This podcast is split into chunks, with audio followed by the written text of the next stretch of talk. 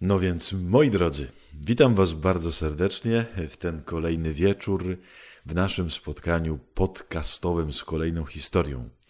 Y, jak zawsze i niezmiernie i niezmiennie bardzo się cieszę, że możemy się poprzez te słuchawki, tudzież inne głośniki y, spotkać po to, żeby posłuchać jakiejś niesamowitej y, historii i Pana Boga działającego w tych historiach. Kochani, na początek, jak zawsze, oczywiście parę komentarzy. Dzisiaj takie dosyć krótkie, y, ale posłuchajcie, gdzie mnie słuchacie. Posłuchajcie, co tam się u Was dzieje, bo to czasem śmieszne, czasem poważne, czasem tragiczne, takie jak życie. Magdalena pisze tak. Słucham sobie komentarzy o czyichś mężach, dzieciach, no i się cieszę. Pięknego życia Wam wszystkim, drodzy, życzę. U mnie brak na horyzoncie mężów i dzieci, ale to mnie nie martwi. Wszystko w swoim czasie. A jeśli wcale, no to trudno. Przecież ludzi wokół do kochania cała masa. Magdaleno, jak ja szanuję ten komentarz. Magdaleno kochana to jest jedyne słuszne, właściwe podejście. Że chcieć, no jasne, że chcieć zdrowo, jeszcze bardziej, że zobaczyć, że cała masa ludzi do kochania najważniejsze. Magdaleno, gratuluję i dziękuję. Przepiękne podejście do życia. Tablet, tablet z kolei tak napisał, czy napisała, nie, napisała. Napisała tak. A ja tłukłam mięso na kotlety schabowe, wyładowując złość i uspokajając się słuchając HP. Trochę takie cienkie wyszły od tego tłuczenia, ale nikt z domowników reklamacji nie zgłosił. Teraz już po obiedzie leżę i piszę. Kto jeszcze nie jadł, to smacznego. Narobiłaś, kochana, smaka na te schabowe, tym bardziej, że schabowe to ja najbardziej właśnie lubię takie cieniutkie, takie, takie bardzo spłaszczone. Więc to jest może jakiś pomysł, żeby zawsze się wkurzać, zanim się zrobi te schabowe, wtedy takie wychodzą. Ale jeżeli chodzi o twoje wkurzenie, to mam nadzieję, że już przeszło i mam nadzieję, że wszystko w porządku. Agnieszka z kolei tak pisze. A ja akurat siedzę w pracy pod daszkiem i sprzedaję czerwone, urodzajne plony pola, czyli truskawki, w roli głównej. Już mi się trochę nudzi, ale widząc, że pojawiła się nowa HP, no to od razu słońce wyszło. Agnieszko, dziękuję. Jeżeli mój głos i e, spotkania z tymi historiami kojarzą ci się z wychodzącym słońcem, to bardzo super. A tak w ogóle, to wyobraźcie sobie, że w tym roku jeszcze nie jadłem truskawek. To jest bardzo dobra zachęta, żeby wreszcie spróbować. E, Ewelina z kolei tak pisze. Jest wieczór i siedzę w pracowni i palę ceramikę. Hmm, pomyślałem, no ja wiele rzeczy w życiu paliłem różnych dziwnych, ale ceramiki to jeszcze nie paliłem. A tu dalej napisane, palę ceramikę, a konkretnie palę zęby. O kurczę, to już w ogóle nie wiem o co chodzi. Z ojcem Adamem w tle. Ktoś będzie cieszył się jutro nowym uśmiechem. Aha. Czyli rozumiem pewnie, że chodzi o jakieś takie konstrukty do, do gębo wkładne. Czyli pewnie robisz jakieś zęby ceramiczne, tak? Jak przypuszczam. Ale to palę ceramikę to było dobre. Ewelino, bardzo Cię pozdrawiam i cieszę się, że mogę Ci umilić e, palenie ceramiki. I jeszcze jeden, kochani, e, komentarz. Madzia tak pisze. Moje dzisiejsze słuchanie trwa już ponad godzinę. Hmm, trochę to dziwne, bo zazwyczaj tak w pół godziny się wyrabiamy e, z HP. Jakiś czas temu zaczęłam swoją przygodę w pracy z kwiatami. Słucham i obrabiam kwiaty, tworzę flowerboxy i małe bukieciki, a w przerwie od słuchania obsługuję klientów i doradzam im w wyborach oraz pomagam w problemach. Madziu, więc ja Ci bardzo proponuję, skoro słuchasz HP, jak jakiś klient przyjdzie i będziesz mu doradzała w problemach, w sensie pomagała w problemach, to powiedz mu, panie kochany, wie pan, bo jest taka historia, którą można posłuchać, niech pan posłucha. Mówiąc krótko, wciskaj z kwiatami kolejne konkretne odcinki historii potuczonych. Może komuś pomoże. A tak w ogóle to Madziu super, że mogę Ci towarzyszyć przy układaniu kwiatów. To bardzo piękna czynność w ogóle. Tak fajnie, że tam sobie w tle leci szóstakowe yy, gadanie. Kochani, to chyba tyle. Yy, komentarzy na wstęp. Yy, będzie teraz czołóweczka, a potem oczywiście idziemy do historii. Historii dzisiaj, no, historii kurczę takiej mocnej. Jak zawsze, prawie że. Zapraszam, czołóweczka, a potem lecimy.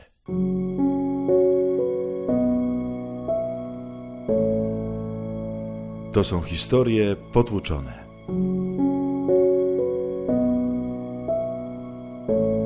A to jest odcinek o Rebece, co z hazardzistą wygrała.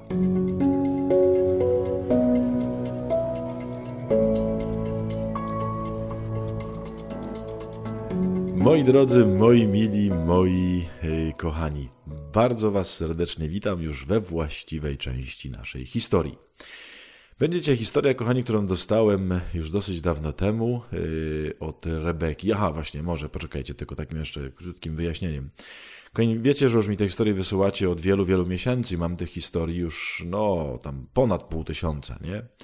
Więc ja nie wiem, że pewnie niektórzy czekacie, Boże, kiedy będzie moja historia? No kochani, domyślcie się, że skoro raz w tygodniu, a raczej częściej nie, nie będziemy w stanie tego robić, no to naprawdę może zejść 70 lat, zanim dotrę e, do wszystkich historii. Ale kochani, wszystkie je staram się czytać, nie na bieżąco, ale po kolei nadrabiam. I, I, jakby, no właśnie, no, że tak powiem, nie obrażajcie się na mnie, bo myślicie, Boże, wysłałem, a on nie chce tego czytać. Proszę, nie, nie myślcie tak. Więc dzisiaj historia, o którą dostałem od Rebeki, aczkolwiek Rebeka nie jest Rebeką, Rebeka ma inaczej na imię. Y, Rebeka oczywiście mi się tu przedstawiła, więc bardzo dziękuję, bo wiem, jak masz na imię, wiem, wiem jak ma na imię twoja córcia, wiem też, jak ma na imię człowiek, o którym będziesz pisała. Yy, ty nie podałeś żadnego imienia takiego w sensie w zamian, więc ja wymyśliłem sam. Mam nadzieję, że to ci nie będzie przeszkadzało. Yy, Rebeka, Rebeka, to jest dla ciebie imię, którym będę cię nazywał w tej historii. Jedziemy, kochani, bo historia trochę ma, więc trochę nam zejdzie, ale posłuchajcie, bo to naprawdę niezwykłe, niezwykła rzecz i bardzo ważna. Rozpocznę, tak pisze Rebeka, od tego, z jakiej rodziny pochodzę. Wychowałem się w religijności. Oboje moich rodziców było bardzo religijnych i to mi dużo pomogło w przyszłości.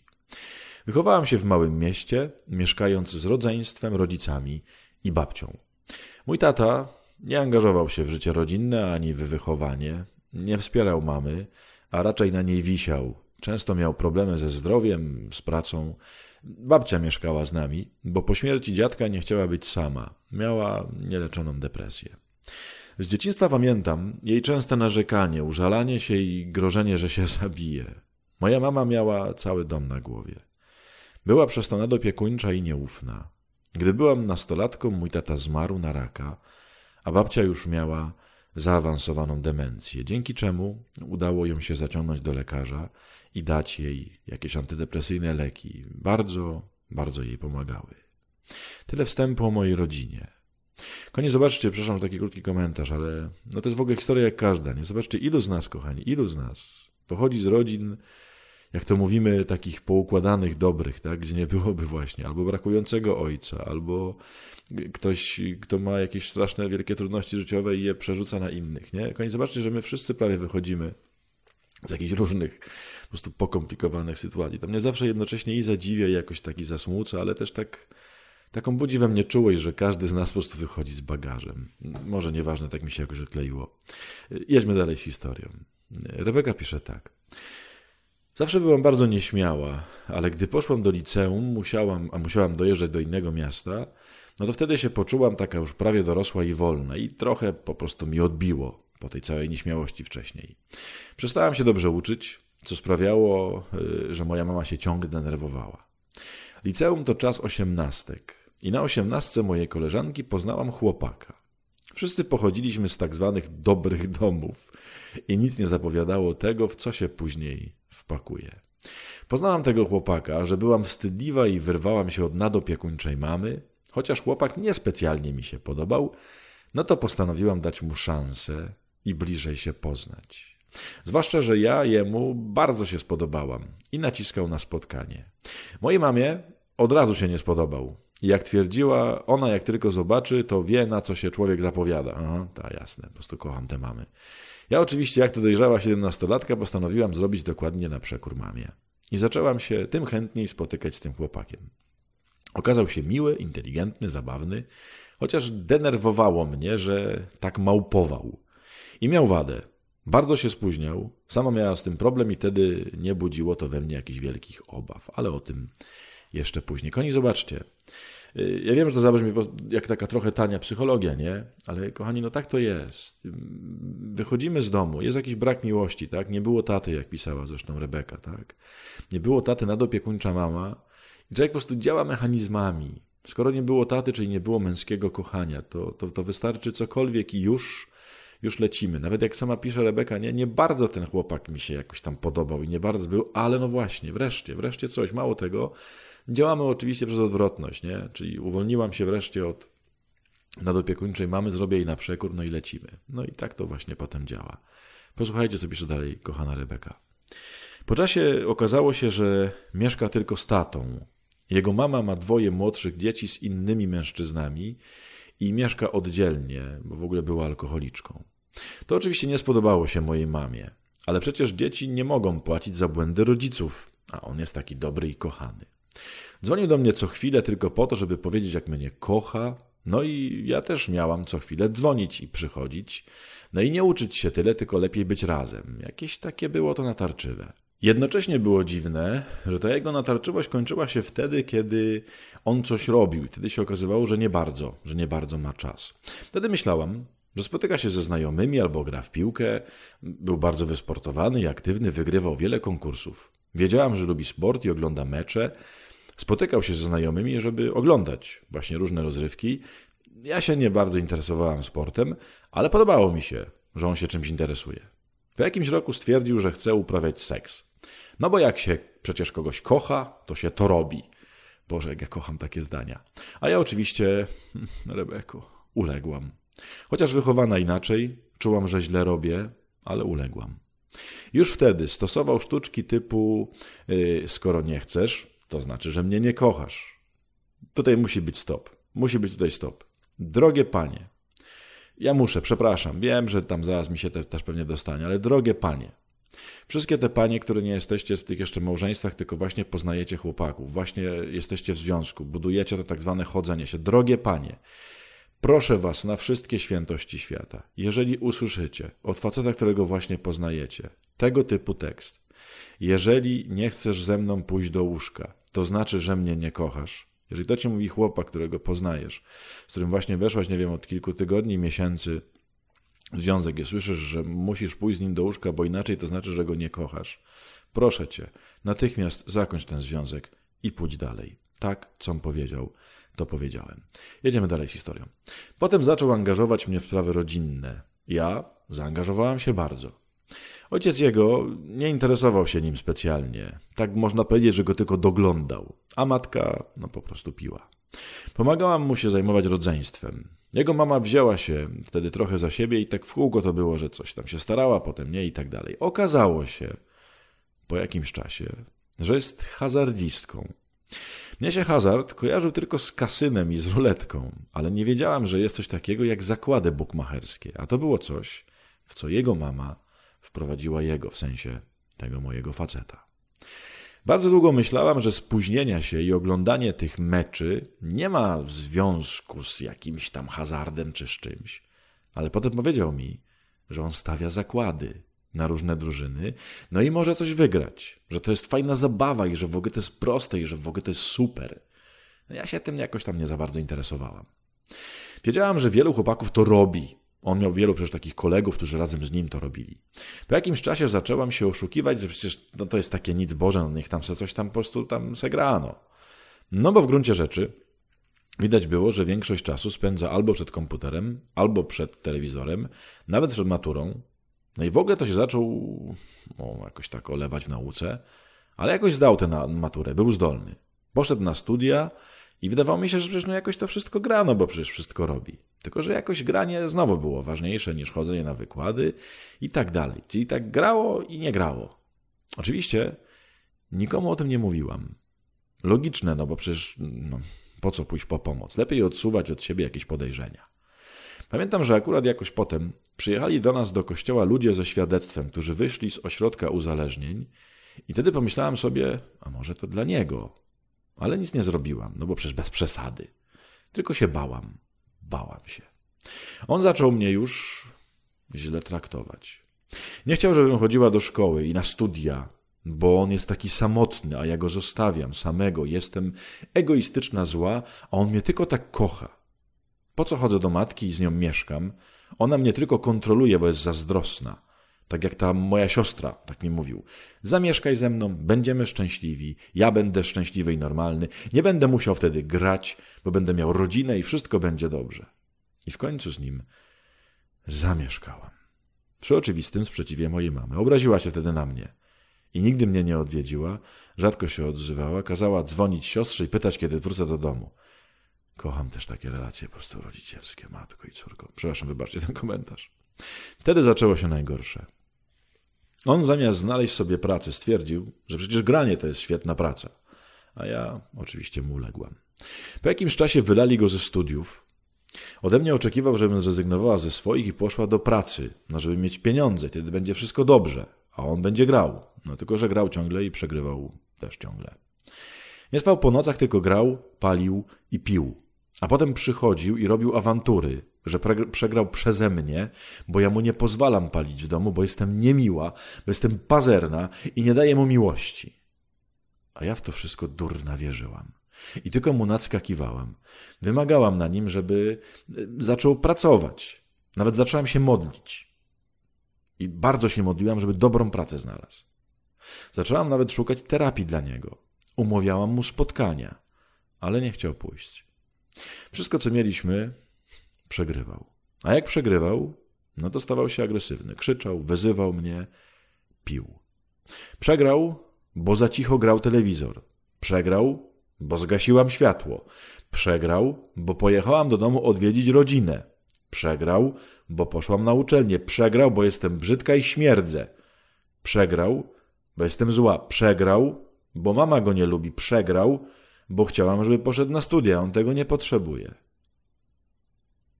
Czy wy to czujecie, kochani? Zaczęło brakować pieniędzy, zaczął brać pożyczki, które oczywiście przegrywał. Potem zaczął brać pożyczki na mnie, bo inaczej się zabije, przecież jak mu nie pozwolę. Potem brał telefony i inne sprzęty na raty i je zastawiał. Wynajmowaliśmy mieszkanie, zaczął zastawiać rzeczy z tego mieszkania. Wszystko przegrywał.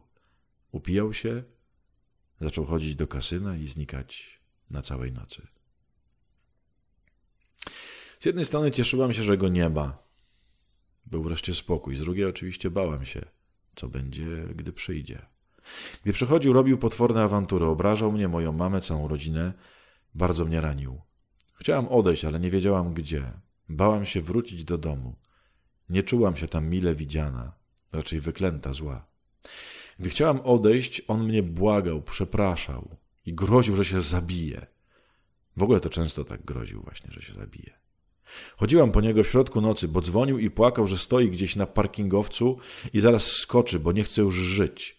Stawał w oknie naszego mieszkania na siódmym piętrze i groził, że się zabije, jak mu nie pomogę i nie będę robić tego, co mnie prosi. Ganiał z nożem i groził, że zabije siebie albo mnie, albo kogoś innego.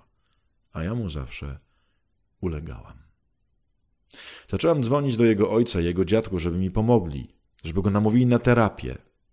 Nigdy tego nie zrobili. Czułam się samotna, opuszczona i zupełnie bezsilna. Nie oczekiwałam niczego. Nie potrafiłam myśleć o przyszłości i zaczęłam się po prostu modlić. Mieszkaliśmy obok kościoła i chociaż teraz kościoły w dzień są pozamykane, to było pewnie pisane, kochani, kiedy była pandemia, to był tam klęcznik przed kratą kościelną i tam klękałam i modliłam się o uzdrowienie z nałogu i jakiś cud. Ale nic się nie działo, było tylko gorzej.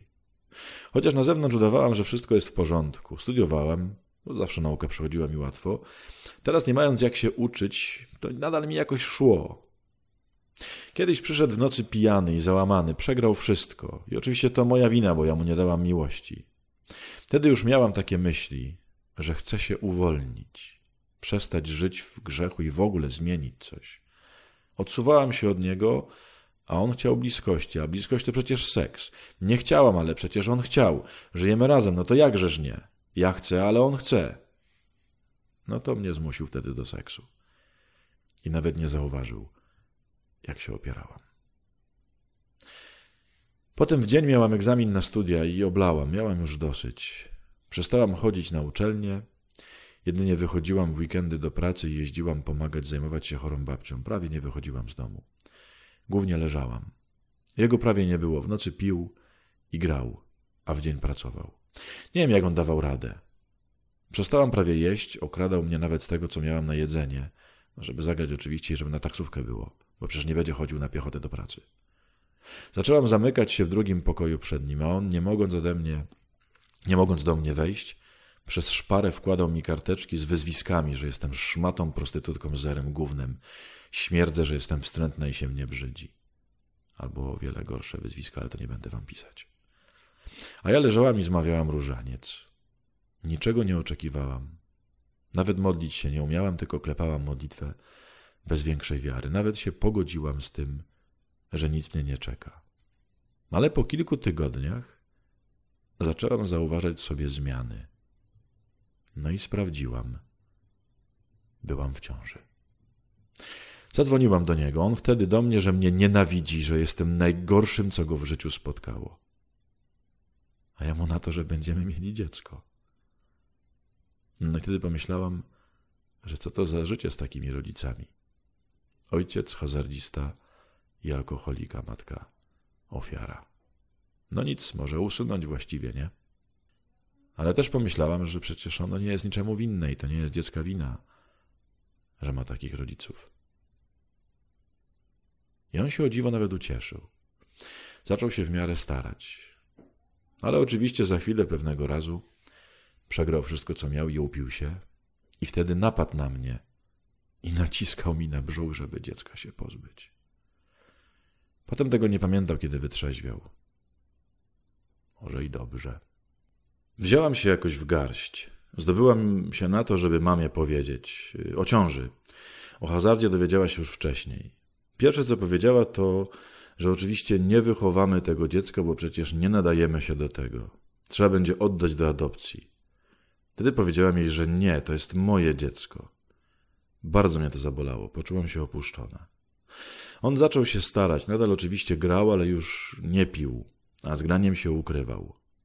Czułam, że trochę mu na mnie zależy, zrobił się dla mnie dobry. Postanowiłam, że nie chcę już mieszkać tam, gdzie mieszkałam. Mieliśmy zacząć gdzieś indziej. Wróciłam do domu mamy. Nikt mnie tam nie zapraszał, ale też nie wygonił. Dużo się modliłam i płakałam. Moja mama zrobiła się dla mnie dobra.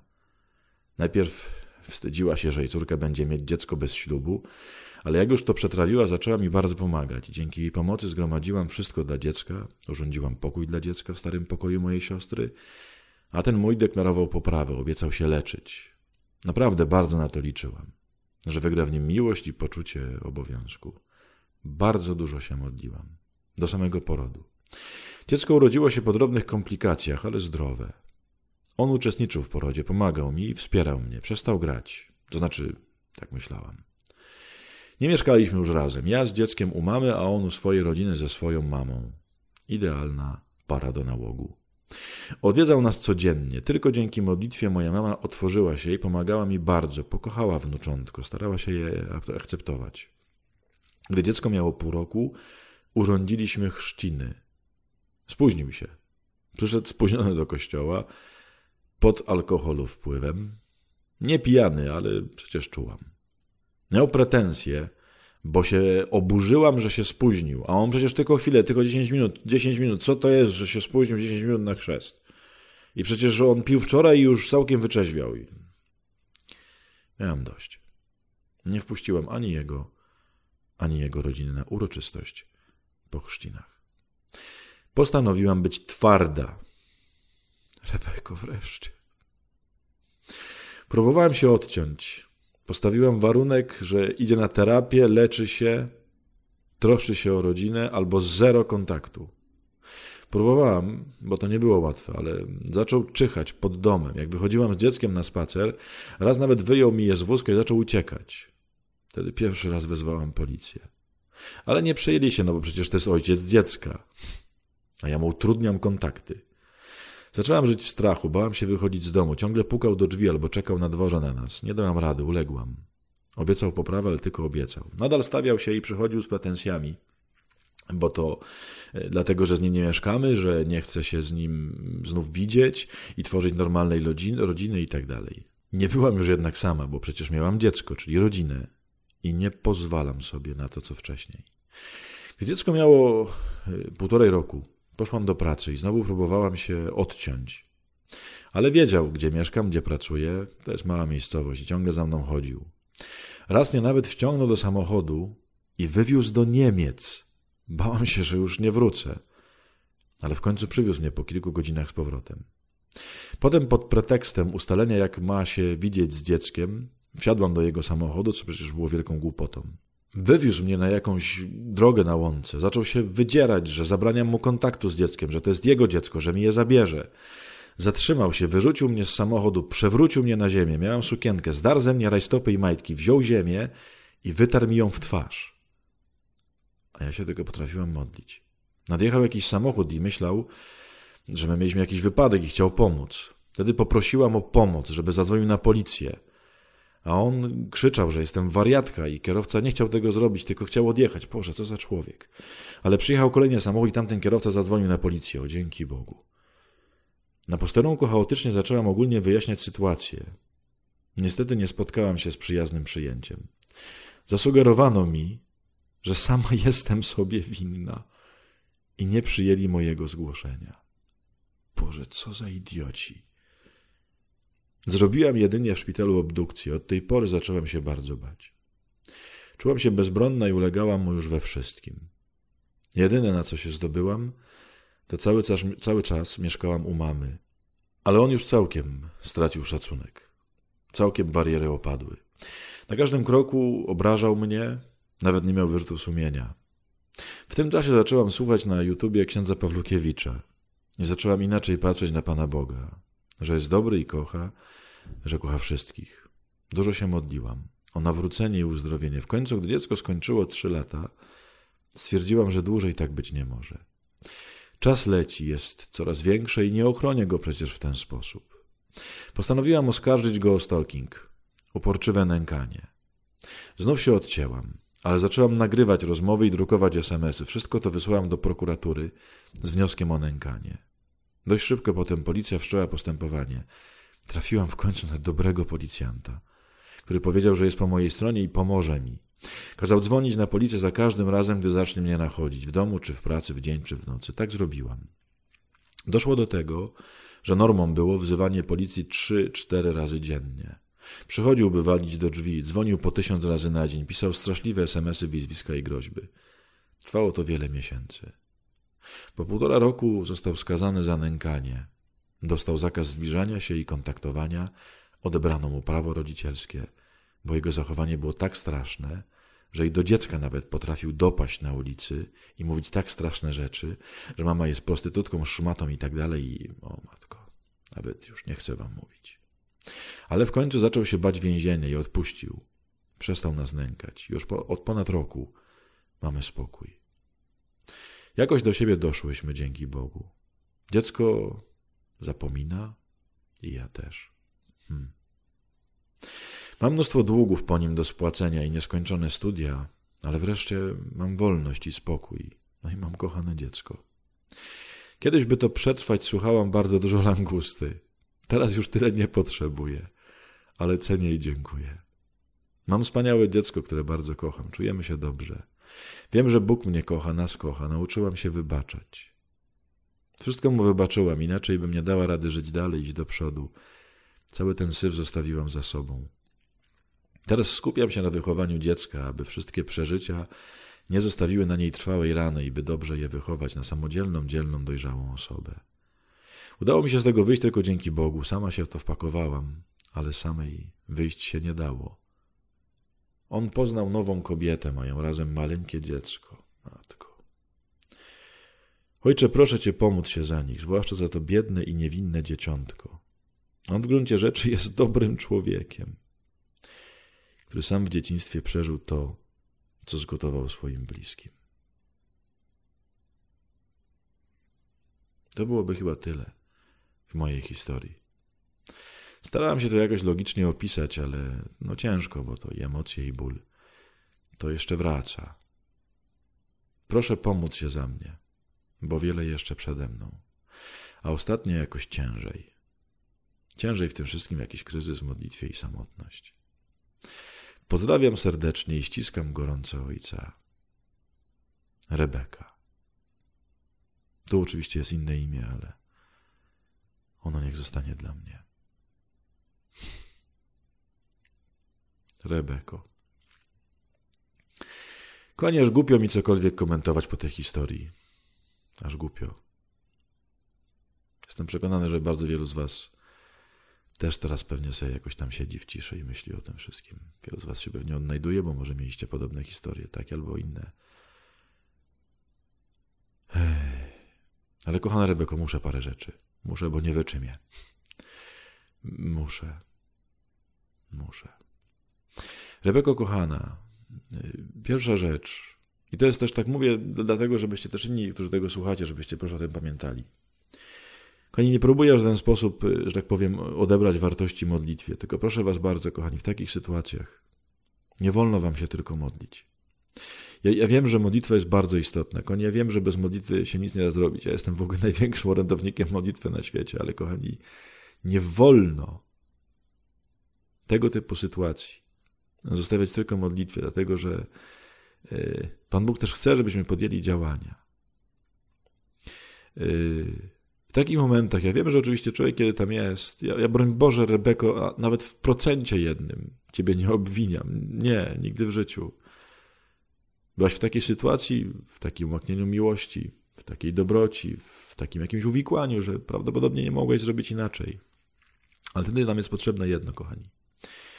Jeżeli czujecie, że dzieje się źle, jeżeli ma, macie doświadczenie, a Rebeko na pewno miałaś po prostu no, nieustannie doświadczenie, w jakim jesteś, w jakim jesteś bikosie z tym człowiekiem, nie?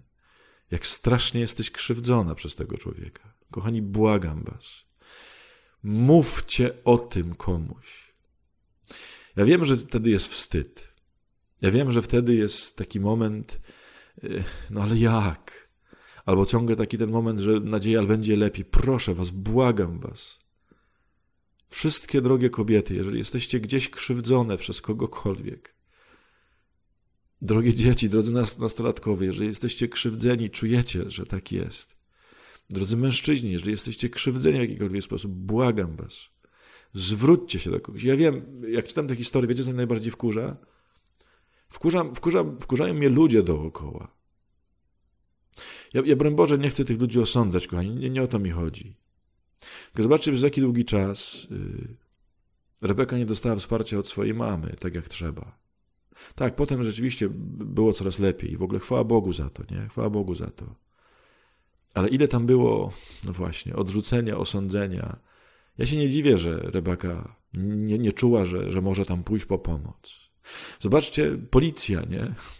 Wreszcie się znalazł jakiś policjant, który zrozumiał tę kobietę, który wreszcie jej pomógł. Bo wcześniej oczywiście sama se to zrobiłaś. Po prostu jak słyszę takie teksty, to nie mogę. Zobaczcie, wtedy, kiedy ten człowiek na, nacierał ją ziemią na jakiejś łące, tak? I zatrzymał się jakiś kretyn, przepraszam, że, że, że, że tak mówię.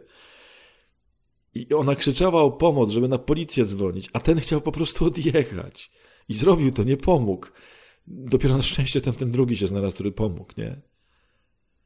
Koni, mówię to dlatego, że chciałbym, żebyście też się rozejrzeli dookoła siebie. Wokół was bardzo możliwe, na pewno, są ludzie, którzy są krzywdzeni, są ludzie, którzy cicho, a czasem w ogóle nawet bez słowa, bo nie potrafią, wołają o pomoc. A my dla świętego spokoju albo dla nie wiem czego jeszcze. Przepraszam was, bardzo jestem poruszony. Po prostu odwracamy wzrok. Chcemy pójść gdzieś dalej, nie, nie chcemy patrzeć. A tam ktoś pomiata drugą osobą. Ktoś ją tam niszczy. I może nawet ta osoba nie jest w stanie wołać o pomoc, może nie umie, nie, nie potrafi, nie, nie widzi możliwości, nie ma nadziei. Obejrzyjmy się, kochani, dookoła. Kochana Rebeko, jeszcze takie jedno zdanie, bo nie chcę też przedłużać. Myślę, że ta historia sama brzmi, sama sobą brzmi. Ale Rebeko, oczywiście bardzo się cieszę, że od roku tak jest, jest już dużo lepiej, tak, że jesteś wolna od tego, że jest ten zakaz, że, e, że masz cudowną córkę, którą, którą kochasz, którą też chcesz wychować i tak dalej, to jasne, ale Rebeko, y, nie, nie mam pojęcia, czy tak jest, bo nie, nie napisałaś. Rebeko, jeżeli nie korzystasz z jakiejś pomocy, bardzo by ci się przydała jakaś terapia, Rebeko, żeby zobaczyć w ogóle skąd to się wzięło, dlaczego masz takie mechanizmy, że, że to się wszystko wydarzyło. To mówię, broń Boże, nie w tym kluczu, że to jest twoja wina, tylko żeby się, że tak powiem, uzbroić na, na przyszłość, żeby, żeby się nauczyć, żeby, y, żeby mieć siłę. Bardzo by się przydało ktoś, z kim, z kim będziesz o tym gadać. Oczywiście strasznie się, Rebeko, cieszę, że do mnie napisałaś, ale ja też nie jestem specjalistą, nie? Rebeko, jeżeli ktoś taki jest, to oczywiście mówię to pewnie niepotrzebnie, ale jeżeli tak nie jest, to proszę cię, poszukaj kogoś takiego. Rebeko, poszukaj jakiejś dobrej wspólnoty w kościele, poszukaj ludzi, z którymi będziesz mogła budować normalne relacje. Y, nie zostań z tym sama, nie zostań sama z tą córką, mimo że tak jak piszesz, jest już dużo lepiej, tak? ale tak jak piszesz, właśnie mówisz, że teraz trochę ciężej, nie? Dlatego właśnie też potrzebujesz ludzi wokół siebie. Kochani, pamiętajcie, że Pan Bóg działa przez ludzi. Działa przez ludzi. To jest najlepsza droga dla Pana Boga do działania. Kiedy się często modlimy o ratunek, to Pan Bóg posyła ludzi, tylko albo zaprasza do pójścia do ludzi. A my myślimy, że on jakoś inaczej zrobi cud, że tak powiem, bez ludzi. Kochani, bardzo często, kiedy, nie wiem, kiedy się modlimy o jakiś ratunek, to to jest właśnie przez Pana Boga traktowane jako modlitwa o ludzi, którzy nam przyjdą z pomocą. Bądźmy tymi ludźmi. I też jakby nie zamykajmy się sami w tym, co się nam dzieje. Rebeko, kochana, bardzo się modlę za ciebie oczywiście. Bardzo cię przytulam w sercu. Ale też proszę cię, nie zostawaj z tym sama. Szukaj pomocy, szukaj wsparcia. Mówcie, kochani, myślę, że naprawdę ogromna większość, albo jeżeli nie wszystkie, te nasze tragedie by się nie wydarzyły, albo wydarzając miałyby szansę się szybko zakończyć i byśmy ich, że tak powiem, nie potęgowali, gdybyśmy tylko o nich mówili. Gdybyśmy tylko o nich mówili.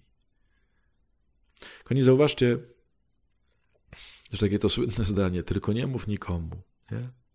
I to w każdej dziedzinie to nie chodzi mi tylko o dziedzinę kościelnych nadużyć, nie? ale w ogóle, tylko nie mów nikomu. To jest właśnie zdanie, które sprawia, że dzieją się tragedie. Tylko nie mów nikomu. Mów, mów, mów. Jeżeli ktoś Was teraz tego słucha i ma takie przekonanie, kurczę, w moim życiu dzieje się źle, powiedz komuś. Szukaj kogoś, komu możesz zaufać. Ja wiem, że czasem może być trudno taką osobę znaleźć. Znajdziesz. Znajdziesz w końcu. Nie zostań z tym sama. Nie zostań z tym sam. Moi drodzy, tyle na dzisiaj w tym naszym spotkaniu. Rebeko, wielkie uściski i wielkie dzięki za Twoją historię. To jest święta historia. To jest historia pełna Pana Boga. On tam był z Tobą w każdej sekundzie i tylko u Niego też znajdziesz e, ukojenie i nadzieję i, i, i jakby swoją przyszłość na to, co dalej. A będzie dobrze, bo On potrafi naprostować wszystko. Potrafi naprostować wszystko, cokolwiek by się w naszym życiu wydarzyło. Dlatego Rebeko bądź nim. Kochani, bądźcie dobrzy dla siebie. Bądźcie dobrzy dla innych. Kochajcie siebie, kochajcie innych, a nade wszystko kochajcie Boga. Jeśli tylko potrzeba, to szukajcie pomocy, proszę Was o to. Kochani, tyle na dzisiaj. Ściskam Was, bardzo Was pozdrawiam i do usłyszenia następnym, w następnym naszym spotkaniu, pewnie za tydzień. Miejcie się proszę najlepiej na świecie z Bogiem.